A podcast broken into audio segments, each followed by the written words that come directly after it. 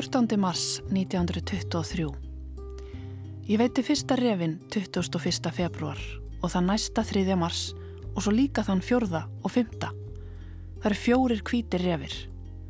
Og svo 13. mars veit ég þrjá kvítar refi, það er alls sjö refir. Hefur verið með höfverk í allan dag. Ég tók aspirin en það verðist ekki virka. 24 ára kona satt í tjaldi og reipaði með blíjandi neður nokkur orð í stílabók. 15. mars. Ég aðtjóði gildrunnar, engi refir en ný spór og ég setti nýja sóla á skóna mína og vaskaði upp og mér liði miklu betur en í gær. Heiðskýrt í allan dag. Konan var stött á afskektri naburi eigu langt frá næstu mannabygðum. Þar hafði hún dvalið í eitt og hálft ár. Hún var ekki ein á eiginni þegar hún hripaði niður þessi orð en hún yrði það von bráðar.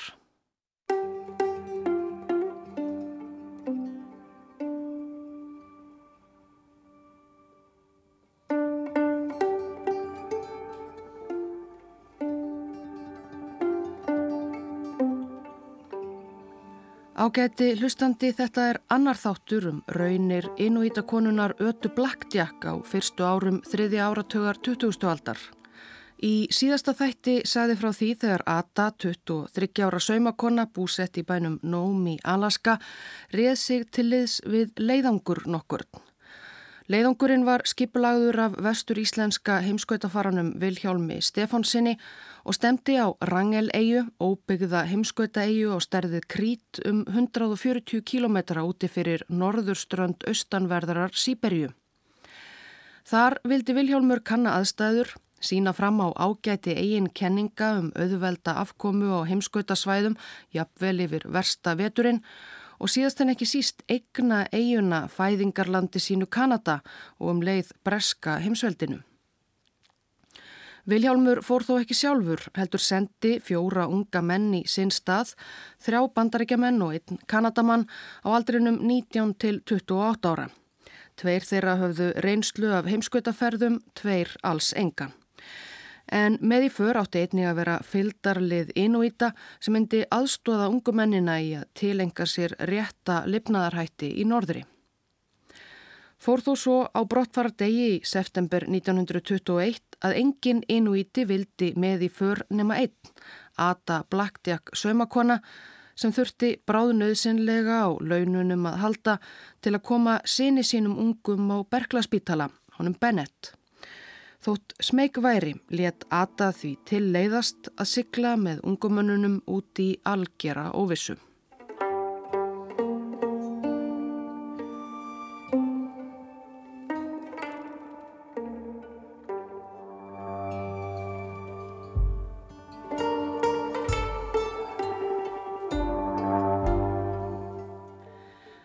Skildum við Ötu Blackjack í november 1921 fyrir utan aðalbúðir leiðangursins á Rangel-eigu þar sem einn félaga hennar, Lorne Knight, hafði bundið hana við flagstöng til að refsa henni fyrir að sinna ekki saumaskapnum.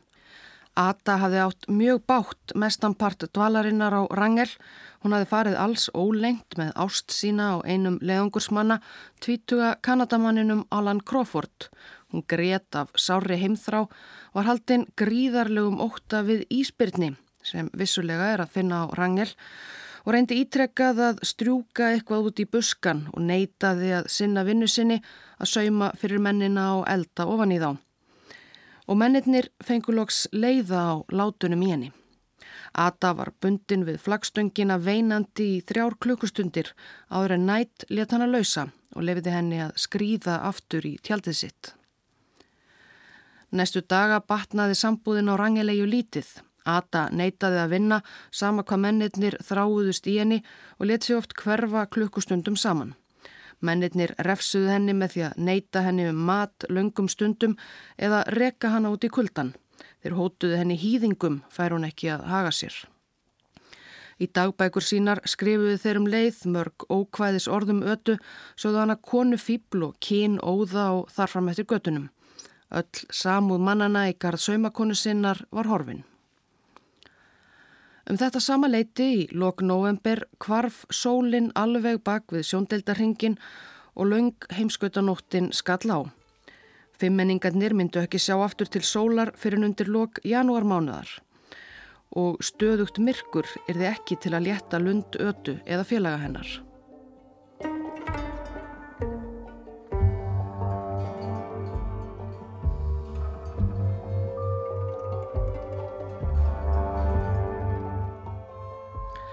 Æfisugurítari Ötu Blackjack Jennifer Niven hefur leitt líkum að því að Ata hafi eftir vill ekki bara verið íllahaldin af heimþrá og einmannaleika og óttast um lífsitt, heldur þjáðst af fyrirbæri sem kallast P-block-tó á tungumáli Inuita en hefur einnig verið kallað heimskauta hysteria. Mun fyrirbæri það fyrir að finnast helst í Inuitum og sérilagi þá Inuita konum. Yfir dimmustu heimskautanóttina fá þær einskonar undarleg köst, fyllast örvendingu, hlaupa út í kuldan og myrkrið, skaða sjálfar sig eða aðra og jafnvel fyllast stjórnlausiri ástsíki. Ritað hefur verið um þetta fyrirbæri frá því á ofanverðri 19. öld þegar heimskautakonnuðir töldu sig verða vittni að því meðal þeir heimsóttu eða fengu með sér í leiðangra norður. Lítið er þó vitað með vissu um þessa myndu heimskauta hysteríu eða mögulegar ástæður hennar. Raunar er deilt um það í dag hvort hún fyrirfinnist yfir höfuð.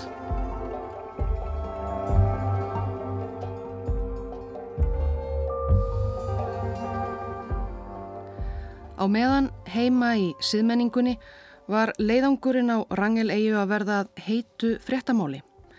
Skipstjóri á skipinu Silver Waves sem flutti fimmenningana á Rangeleiu hafði fylst með þeim draga upp breskan fána á eigunni og eigna hana bresku krúnunni. Frett um þetta hafði svo byrst í blöðum frá Alaska til Lunduna og fallið víðast hvar í grítan jarðveg. Rússar álitu jú eiguna rúsnest yfiráðasvæði og var það orðið nokkuð viðtekinn skoðun í alþjóðasamfélaginu og brettar virtust hafa lítinn áhuga á þessum gjörningi og þessari lít þekktu eigu. New York Times byrti þetta frá fréttarittara blaðsins í Lundunum. Tilkynningin um að Vilhjálmur Stefánsson hafi dreyið breskan fána að húni á Frangel-eigu kom stjórnvöldum hér algjörlega í opna sköldu. Breska ríkistjórnin hefur ekkert haft með leiðungur hans að gera og enga tilkynningu fengið um fyrir allanir hans. Fyrirspurnir meðal ennbættismanna gáð til kynna viðtakt áhugalesi á örlögum Wrangell-eigu og útlitir fyrir að Dáningstræti láti stjórnveld í Kanada um að eiga við Stefánsson að vild.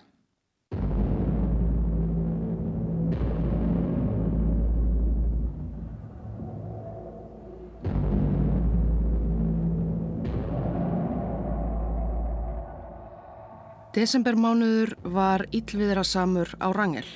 Veður var oft svo vond að fimmenningarnir gáttu lítið annað en hókrað í tjöldum sínum dag eftir dag og afreikuðu lítið.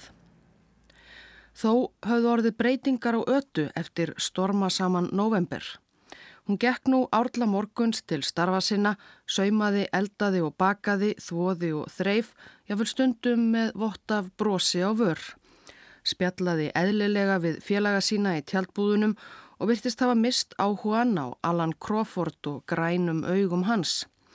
Kanski var hún búin að venjast nýjum aðstæðum sínum í kuldanum og myrkrinu eða sætta sig við orðin hlut. Veturinn leið þannig smátt og smátt og að mestu tíðinda lítið og sambúðin á eiginni gekk umtalsvert betur. 25. janúar 1922 gæðist sólinn fram í fyrsta sinn í þrjá mánuði og þótt hún staldraði ekki lengi við fyrstum sinn var hún fimmenningunum afar kærkomin sjón.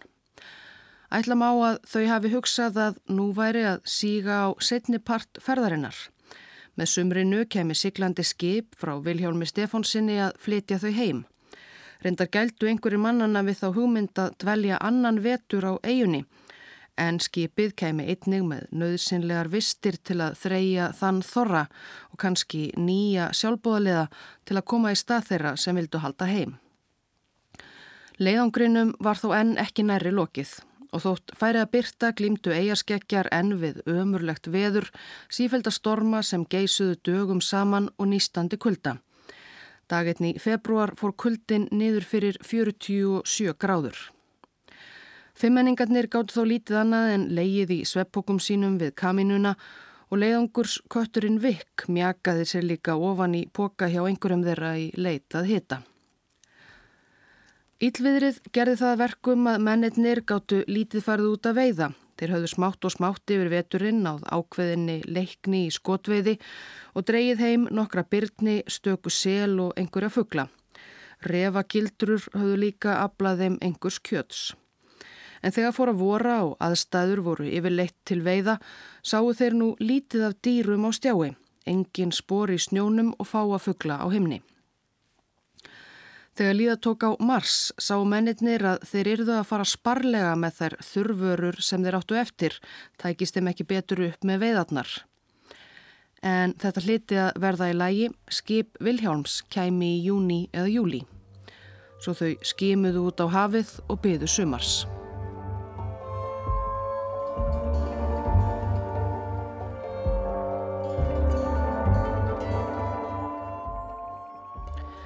En fyrir sunnan í Norður Ameríku gekk fjáröflun Vilhjálms Stefánssonar fyrir næstu sjóferð til Rangeleiu ekki sem skildi. Vilhjálmur hafi stólað talsvert á að stjórnvöld í Kanada kæmu til þegar þau fréttu að hann og undirmenn hans varu búinir að egna Kanada og breska heimsveldinu spennandi nýtt landsvæði og myndu kosta næsta leiðangur þangað að fullu. En svo var það ekki. Utaríkisráðuneti bandaríkjana hafi tekið málefni Rangel til sérstakrar skoðunar eftir að fréttir af gjörningnum á eigunni bárust og úrskurðað að eigan væri vissulega rúsnest yfirráðasvæði og ráðunetismenn bættu meira segja við að í þeirra augum væri eigan einskis virði nokkru ríki. Viljálmur var því að abla peningana með öðrum hætti og sjálfur var hann ekki með djúpa vasa í raun frekar blankur. En loks tókst honum að tryggja sér 3000 dollara styrk frá vini sínum flugfrömuðunum Orville Wright og annað eins frá kanadískum stjórnvöldum eftir að hann sagði nöðsynlegt að senda skip til Rangel, mennirnir á eiginni gætu jú verið orðnir veikir, meittir eða þaðan að verra. Þetta samanlagt næði til þess að leia skip sem silt gæti til Rangel. En þegar peningarnir voru loks í höfn var farið að líða á sumarið þann stuttaglugga sem siglingar svo langt í norðri eru yfirhöfuð mögulegar. Skonnortan sem Viljálmur tók á leigu, Teddy Bear, lagði ekki af stað frá Nómi Alaska fyrir en 20. ágúst 1922.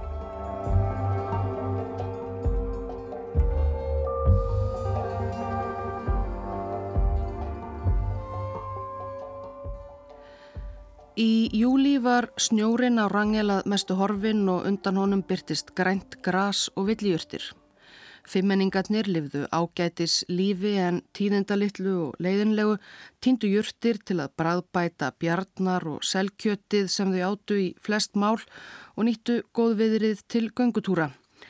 En þurmaturinn þeirra var næstum á þróttum og þau var öll farið að lengja eftir byrðaskipinu. Það var heldur ekki hægt að neyta því að þóttu hafðu sjálfnast liðið mikinn skort hafi veturinn reynd á þau líkamlega enguða síður. Fred Maurer var stöðugt þreytur, Alan Crawford hafi meitt sig á hendi, Milton Gall á kjálka, Ötu var ílt í bakinu og þá um sumarið fór Lorne Knight að taka eftir sárindum og stífleika í fótlegjum og mjöðmum og grunaði að hann var komin með gikt.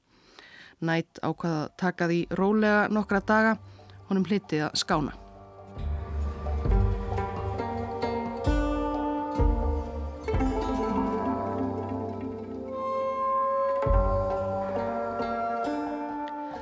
Aðeins örfám dögum eftir brottfur frá Nóm var skonortan Teddybear komin í erfiðar aðstæður.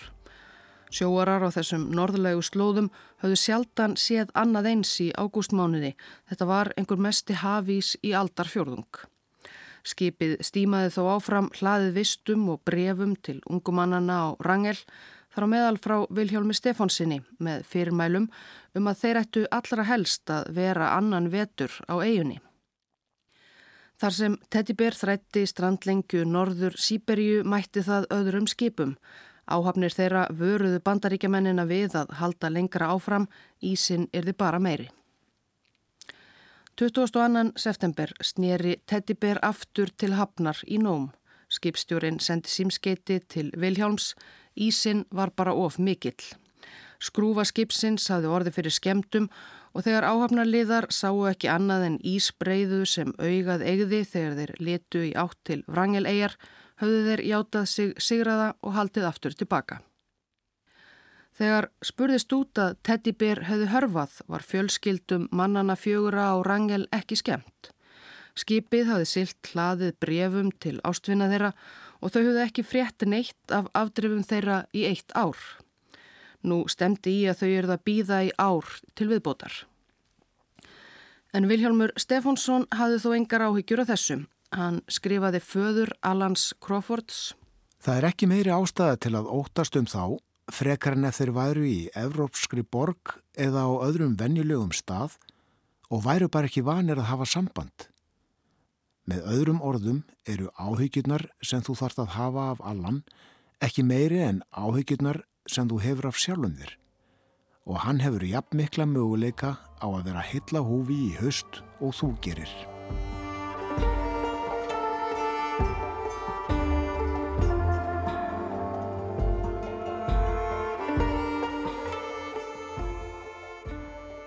Um svipaleiti og Vilhjálmur reyndi að hugreista ættinga þeirra voru fimmmenningarnir á Rangel eiginlega búnir að sætta sig við að það kæmi ekkert skip í ár. Sumarið var búið, það var farið aftur að snjóa og þau þurftu að þrauka annan vetur. Það breyti öllu. Nú þyrtu þau fyrir alvöru að skamta sér vistirnar sem eftir voru. Þau voru líka búin meðnær allan reka við í kringum aðal tjaldbúðir sínar svo þau urðu að finna nýjan stað að dvelja á. Mennirnir fundu stað við ströndina í um fjögura kílometra fjarlægð og þanga fóruðu að rógast með eigur sínar til að reysa nýjar búðir. Vinnan öll tók óra tíma. Það var farið að kólna og veðrið orðið vond og þau öll unnu hægar en áður, orðin þreyttari, þjakaðri og eflaust þunglindari. Nýju búðirnar voru því ekki full búnar fyrir um miðjan november um það bil sem sólinn var að hverfa þeim í annað sinn.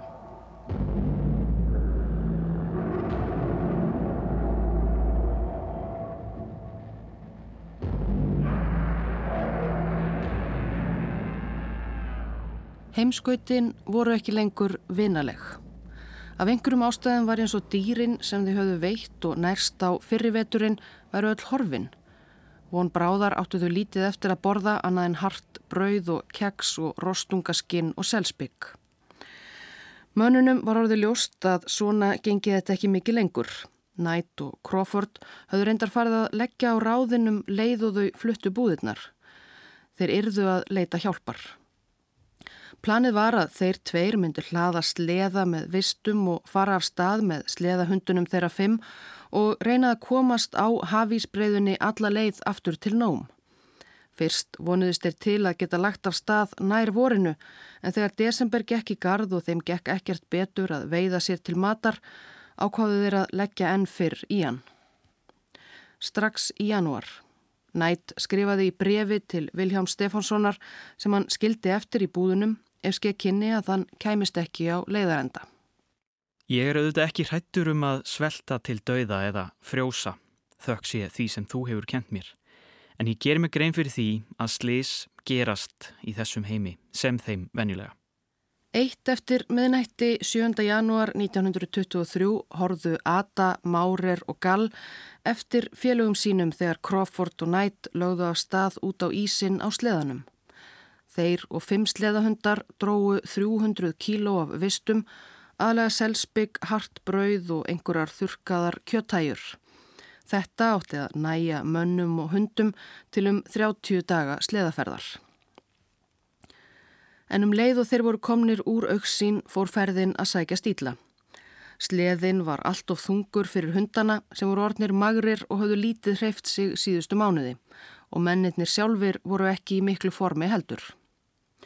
Nætt hafði aldrei orðið betri af giktinni og endist ekki lengi í sliðadrætti. Ísin var erfiður yfirferðar, það blés stöðugt og kuldin nýstiðin að beini. Marga daga gáttu þeir ekkert ferðast og urða að reyna að búa sér skjól á ísnum að hýrast í. 20. janúar eftir tveggja vikna ferð rökkluðust nætt og Crawford aftur í búðirnar á rangilegju aðframkomnir af kulda og þreitu svartir í framann af kali. Þeir hafðu ekki komist langt og töldu sig ekki hafa um annað að velja en snúa tilbaka. Ata, Márer og Gallurðu undrandi. Þau höfðu gert sér vonir um að félagar þeirra veru komnir langleðina til byggða. Knight og Crawford skriðu ofan í sveppboka að hlýja sér en eftir stóð að þau gætu varla þraukað til sumars öll fimm.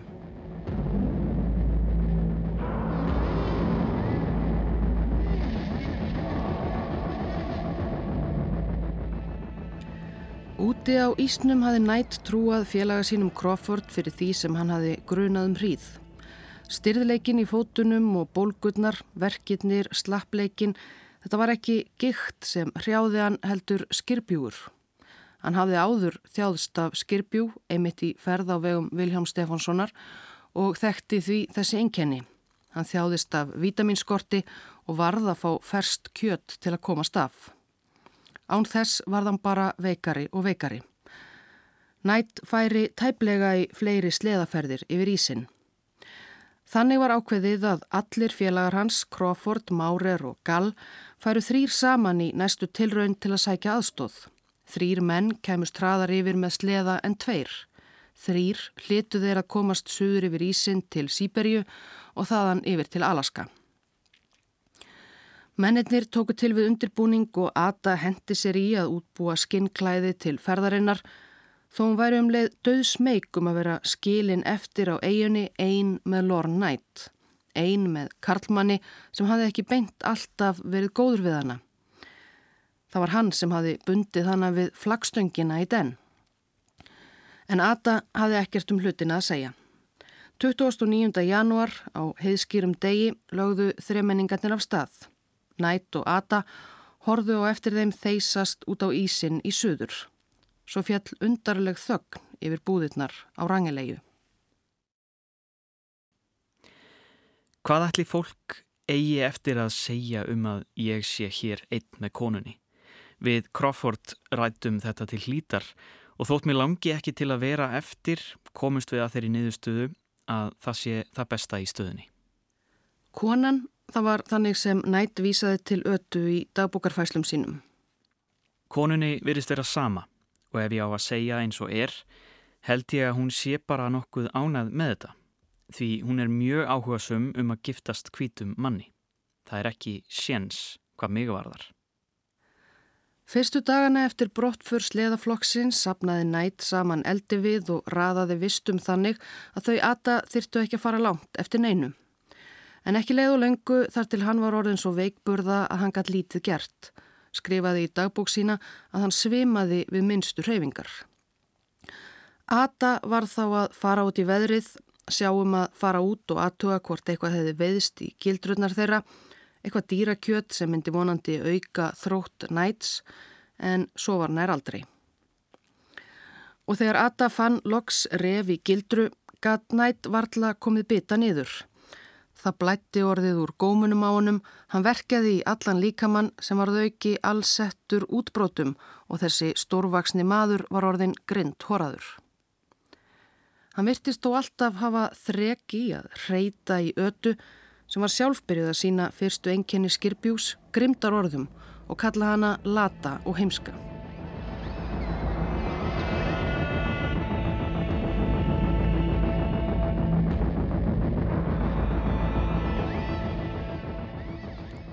14. mars 1923 gerðust þau tíðindi að Ada Blackjack fór sjálf að halda dagbúk. Félagar hennar Rangel höfðu stöðugt verið að hripa eitthvað niður en Ada gert lítið af því þótt hún hefði tekið með sér blíjant á eiguna og passað upp á hann vel. Þann 14. ritaði hún færsluna sem heyrðist í uppafið þessa þáttar og helt svo áfram. Hún skrifaði um daglegt lífsitt á Rangel Ata var þá farin að sjá um allt einn, hökva eldi við, aðtuga gildrunnar, þóttum væri logandi hrætt við íspyrnina sem hún ótaðist að leindust úti, bræða snjó, útbúa mat, handa sér og eitthvað sem hún gæti komið ofan í nætt. Fara út og skima eftir félögum þeirra í sleðafloknum, Crawford og hinnum sem hún vonaði svo að myndu snúa aftur og bjarga þeim. En það ágætti hlustandi myndi aldrei gerast. Síðan Alan Crawford, Fred Maurer og Milton Gall yfirgáfi búðirnar á Rangel-eigu 29. janúar 1923 hefur ekkert til þeirra spurst. Þeir náðu aldrei til byggða og aldrei hafa fundist neyn ummerki um afdrif þeirra. Crawford var 22 ára, Maurer 30 og Gall 21 árs.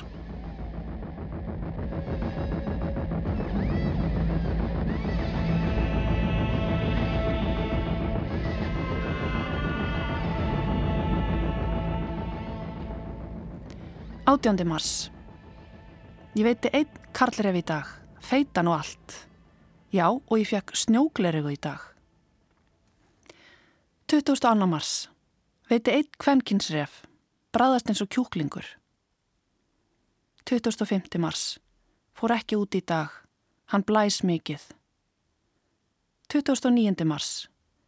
Augaði mér er bólkið og mér verkar í aðra hlið á andlitinu. 2. apríl. Ef eitthvað gerist og ég degi, takið allt sem ég á til Bennets. Ég veit ekki hversu glöði verða að komast heim til fjölskyldunar. Ata þurfti að læra að bjarga sér á meðan nætt bara lág í söpuganum. Það var runnið upp fyrir henni að honum myndi varla batna úr þessu. 21. april.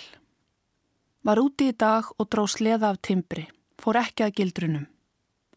Og þegar ég kom inn og fór að kveika upp í, var nætt grimmur við mig. Ég get ekki talið hvað hann er oft grimmur við mig. Hann er grimmur í hvert sinn sem hann segir eitthvað við mig. Ata hafði deilt með mönnunum æfisugu sinni, sagt þeim frá ofbeldinu sem fyrverandi eiginmaður hennar Jack Blackjack beitti hana, lamdi hana og svelti. Í veikindamóki sínu ákvað nætt að nota nú þessa hreinskilni gegn ötu. Hann segir að Blackjack hafi verið góður maður og hafi haft rétt fyrir sér og það væri rétt að hann var grimmu við mig og sagði að ég hafi ekki verið góð við hann. Hann hugsar aldrei hvað er erfitt fyrir eina konu að taka hlutverk fjögur að manna að högva við og veiða eitthvað handa honum að borða og sinna honum. Á þessu stíi veikinda næts varð Ata að hjálpa honum með allar aðtapnir daglegs lífs allar. Og hann talar um börni mín og segir, ekki að undra að börni þín dói þegar þú hugsaðir aldrei vel um þau. Hann bara rýfi mig í tætlur þegar hann minnist á börnin. Þetta er versta líf í veröldinni. 22. april. Ég fór ekki út í dag því var bara gráta. 10. mæ 1923 átti Ada Blackjack 25 ára ammæli. Hún myndist ekki sérstaklega á það í dagbókinni þar sem hún helt áfram að tíunda afreiksín, refi sem hún fann í gildrunum og viðinn sem hún hjó. Hún myndist líka á fugglana sem hún sá á himni og það hafði nú runnið upp fyrir henni að hún yrði að tilenga sér nýjan eiginleika til að koma staf. Nokkuð sem hafði alltaf gert hana óttastleikna að skjóta að bissu. En hún gekk í málið. 21. mæ. Ég skaut einu sinna að bissu. Ég tók tóma dós og skaut hana strax. Það fyrir eitthvað gott fyrir fyrsta sinn. Og ég þreif báðar bissur. 25. mæ. Ég skaut fimm sinnum með riflunum að snætt. Ég skaut betur en ég held í myndi. Ég hitti bara tvísvar, en það er nógu gott fyrir fyrsta skipti með rifli. Ata vissi að hún yrði að fara sparlega með skotfærin sem voru með í för og ekki skjóta bara út í loftið. Hún varð að vita hvað hún væri að gera og næstu daga æfði hún sig í skotfimi nær daglega þegar veður lefði. Svo þegar hún var komin upp á lægið fór hún að taka riffilinn með sér út í gönguferðir.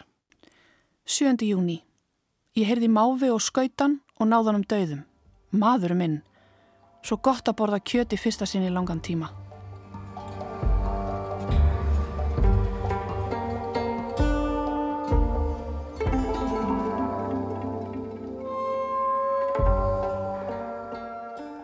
Sextandi júni.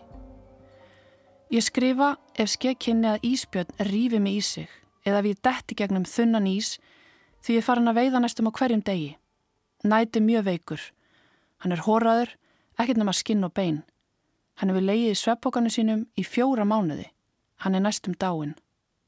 2003. júni lagði Ada Blackjack frá sér blíjandin og tók fram rítvelina sem Milton Gall hafi tekið með sér til eigarinnar og skilið eftir í búðunum. Hann hafði alltaf ítrekkað fyrir félögum sínum að enginn nema hann mætti nota rítvelina. Vrangalegja 23. júni 1923 Dagurinn sem herra nætt dó. Hann dó 23. júni.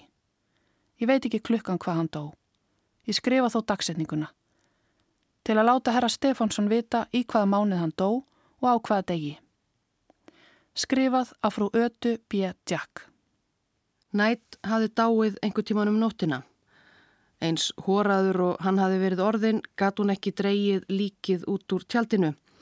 Hún hlóð geimslukössum allt í kringum nætt enn í sveppókanum og flutti svo sjálfinn í hitt tjaldið þeirra sem þau höfðu notað sem geimslu. Nú var Ada Blackjack virkilega alein.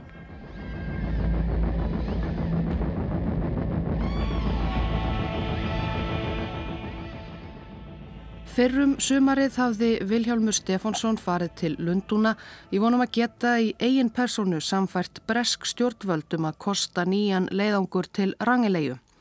Kanadastjórn ætlaði ekki að veita meira fjei verkefnið, það var eitt sem vístar. Ríkistjórn Sovjetríkjana sem hafði orðið til á meðan dvöl fimmenningana á Rangel stóð hafði nýlega áréttað að Rangel væri þeirra landsvæði og að sovjetmenn litu á það að flagga þar breskum fána sem brota á rétti þeirra. Og Vilhjálmur kom líka að lokuðum dyrum í Lundunum. Konuðunum bárust stöðug bref frá ástvinum Knights, Maures, Crawfords og Gall. Hvað væri að fretta af sónum þeirra, eiginmönnum og bræðrum? Hver var eiginlega staðan?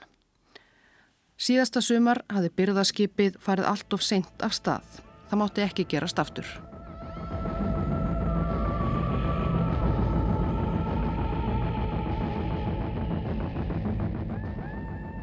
27. júni Ég var heima í dag og þreif selskinn og síðdeis heyrði ég undarlegt hljóð svo ég leit út og sá íspjörn og einn hún. Ég var mjög hrætt svo ég tók bissuna og skaut yfir þá og þeir fóru og þegar þeir litu aftur skaut ég fimm sinnum og þeir hlupi burt. Ég þakka drottni, hinn um eina sanna drottni.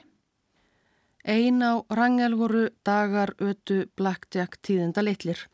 Hún fór út með riffilinn að veiða, sapnaði eldi við því, saumaði sér skinnfött, ef skekkinni að hún yrði að vera annan vetur og satt þess á milli löngum stundum og las biblíu sem nætt hafi gefið henni. Hún var endar ekki alveg alein, kötturinn Vikk tórði enn og ringaði sig upp við hana í tjaldinu á kvöldi hverju í leitað hlýju. Ata hugsaði til Bennetts sonarsins og langaði heim. 31. júli Ég þakka Jésu fyrir að hafa haldið mér á lífi hinga til. Ég þakka Jésu sem fyrirgefur syndugum og hjálpar þeim. Hann er bjargvettur syndgarana. Það leið á sumarið og hafísinn við ströndina hopaði. Á hverjum degi skimaði Ata Blackjack út á hafið í þá átt sem hún taldi nóm vera og beigð eftir að sjá þar glitta í skip. 8. ágúst Nú sé ég hafið freka skýrt og get séð ef bátur kemur. Ég þakka frelsarunum Jésu sem bjargar mér frá einmannuleika. Tæpri viku fyrir þessa færslu, annan ágúst 1923, hafði skipið Donaldsson lagt úr höfn frá Nóm. Vilhjálmi Stefánsinni aði loks tekist að nördla saman fyrir leiðangri til eigarinnar með því að leita til fjársterkra vina og kunningja og annara sem hafðu áhyggjur af afkomu unga fólksins sem hafi verið tvo vetur á eiðeigju. Fyrir leiðangrinum fór maður á nafni Harold Noyes sem hafi verið hluti af fyrri leiðangri á vegum Vilhjálms og hafi tekið að sér verkefnið meðal annars vegna þess að hann samti um byrtingarétt á sögum leiðangursmanna ef hann fyndi þau á lífi en ekki frekar en árið áður reyndist siglingin til Rangel auðveld. 19. ágúst. Vindurinn blæs hart úr vestri. Ég þakka Guði og Jésu frelsar vorum. 20. ágúst. Ég kláraði að prjóna hanska í dag og opnaði síðasta keksbóksið. Ísin er við sjóndeldarhingin. Ég þakka herranum Jésu og föður hans. Veðrið var aftur á versna, sen myndi Ísin nálgast strönd Rangel og Atta var komin niður á allra síðasta þurmatinn. Hérni frá yrði hún að reyða sig alfarið á að veiða sér til matar. Svo að eftir að Atta hripaði þessi orð 20. ágúst hafði hún farið út. Hún hafði heyrt torkennilegt hljóð sem hún helt kannski að væri rostungur. En úti sá hún byrtast út úr þokunni yfir hafinu mastur á skipi. Ata hljópniður á strönd þar sem mætti henni skinnbátur. Í bátnum voru nokkrir innvítar og einn kvítur maður. Sá kvíti var Harold Noyes, leiðungurs leiðtógin af Donaldsson. Eftir erfiðasiklingu í gegnum þykkan hafís hafði skipið náð til rangel nokkrum dögum áður og þrætt strandlengjuna í leitað lífi. Skipverjar hafði fundið eldri búðir leiðungursins og þá talið að þau væru öll af. En þarna var ein kona, skítug og veðruð í framann, klætt í feldi frá toppi til táar. Hvar eru Crawford og Gall og Márer, spurði hún kvítamannin. Nóis tjáði henni að hann væri að koma frá nóm og þar hefði ekkert til þessara félaga hennar spurst. Hann hefði búist við að hitta þá þarna. Augu ötu fylltust tárum. Hér er enginn nema ég, ég er alein. Ata saði honum svo frá andláti næts og grét enn. Ég vil fara heim til móðu minnar. Viljiði fara með mig aftur til nóm?